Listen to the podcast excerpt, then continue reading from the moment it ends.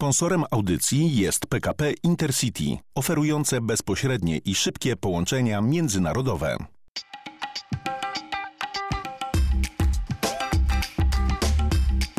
Audycja pod różna. Dzień dobry.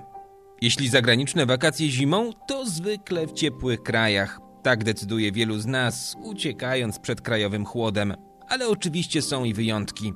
Dla podróżniczki Joanny Mostowskiej, autorki strony zimowyhoryzont.pl, im zimniej, tym lepiej. Zima jest moim żywiołem i od 10 lat co roku jeżdżę na daleką północ, czyli na Spitsbergen, do północnej Skandynawii albo na Islandię. Co cię w tym regionie świata fascynuje? Fascynuje mnie dzikość, pustka, biel i to, że człowiek jest zdany sam na siebie, bez pomocy niczyjej, bez cywilizacji musi poradzić sobie z tym, co ze sobą zabierze. Ale to brzmi niebezpiecznie bardzo. Może tak brzmi, ale jeżeli każda kolejna wyprawa jest tylko o mały krok trudniejsza niż poprzednia, jeżeli stopniowo nabieramy doświadczenia, to nie musi to być wcale niebezpieczne. To jaki był ten twój pierwszy krok? Pierwszy krok to był Spitsbergen w 2009 roku. To była akurat wyprawa, która zakończyła się moimi odmrożonymi nogami, więc nie zakończyła się powodzeniem, plan nie został zrealizowany, ale też była to taka pierwsza potężna nauczka i później z dużo większą dozą ostrożności podchodziłam do Arktyki. A powiedz, czy ta północ jakoś cię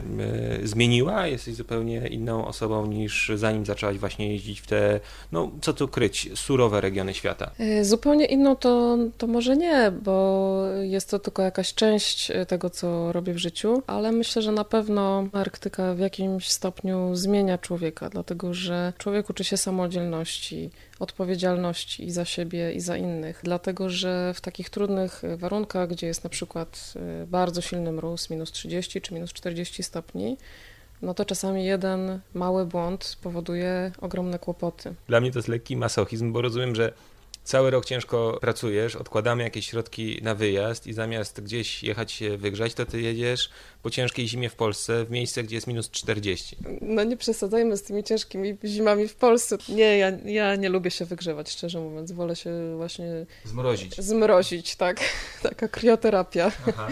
Nie, no masochizm to nie. Ja, ja to bardzo lubię. Gdybym tego nie lubiła, to bym tam nie jeździła. Kocham te miejsca. Rzeczywiście to może się wydawać dla kogoś, kto tam nie był, dziwne, no bo tam nic nie ma tak naprawdę, tak? Tam nie ma zabytków, y, nie ma dzikich zwierząt y, takich biegających wszędzie, nie ma drzew, nie ma zieleni, Nie ma ludzi. nie ma ludzi, ale mnie to bardzo wycisza, uspokaja i ja właśnie tego szukam, y, żeby było mniej tych bodźców w życiu, żeby się wyciszyć, a nie żeby kolejne bodźce do mnie przychodziły w wakacje. A powiedz, y, jedziesz tam i c- c- co tam robisz? Co tam można robić? W Arktyce przede wszystkim poruszamy się na nartach, więc za każdym razem to jest jakaś e, narciarska wyprawa i wymyślam daną trasę, czy to na jakiś najwyższy szczyt, czy po prostu jakąś pętlę i ją przemierzam na nartach, ciągnąc wszystkie swoje rzeczy w pulkach, czyli w takich sankach, gdzie, no, gdzie jest namiot, y, jedzenie, paliwo i tak dalej. Aha, rozumiem, czyli że to nie jest tak od hotelu do hotelu,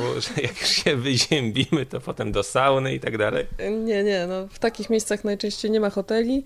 Chodzimy z, z namiotem i ze wszystkim, co jest niezbędne, żeby przeżyć bez, właśnie bez cywilizacji. No dobrze, ale jakbyś się naprawdę źle poczuła, to co? Ktoś by, nie wiem, helikopterem tam przyleciał i cię e, uratował, czy też e, zostajemy w naszym słodkim iglo na wieki?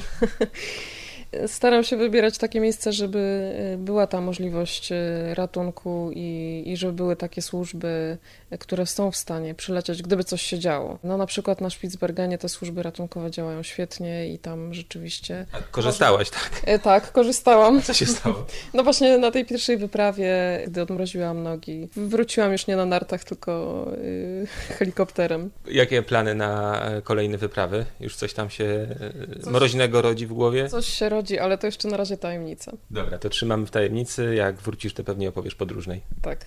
Dzięki serdecznie. Dziękuję bardzo. Audycja pod różna. Jest szansa, że gepardy wrócą do Indii, donosi National Geographic. Na próbę wprowadzenia tych wielkich kotów do środowiska naturalnego zgodził się właśnie tamtejszy Sąd Najwyższy. Dodajmy, przez wieki gepardy żyły w Indiach, a w XVI wieku na tych terenach było ich ponad 10 tysięcy.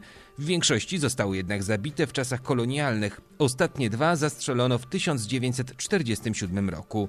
Naukowcy spróbują wprowadzić do indyjskiego środowiska gepardy pochodzące z Afryki. Czy eksperyment się powiedzie? Oby, ale jest i wiele wątpliwości. W latach 50. wypuszczono na wolność dzikie lwy i niemal natychmiast wszystkie zostały zastrzelone przez kłusowników.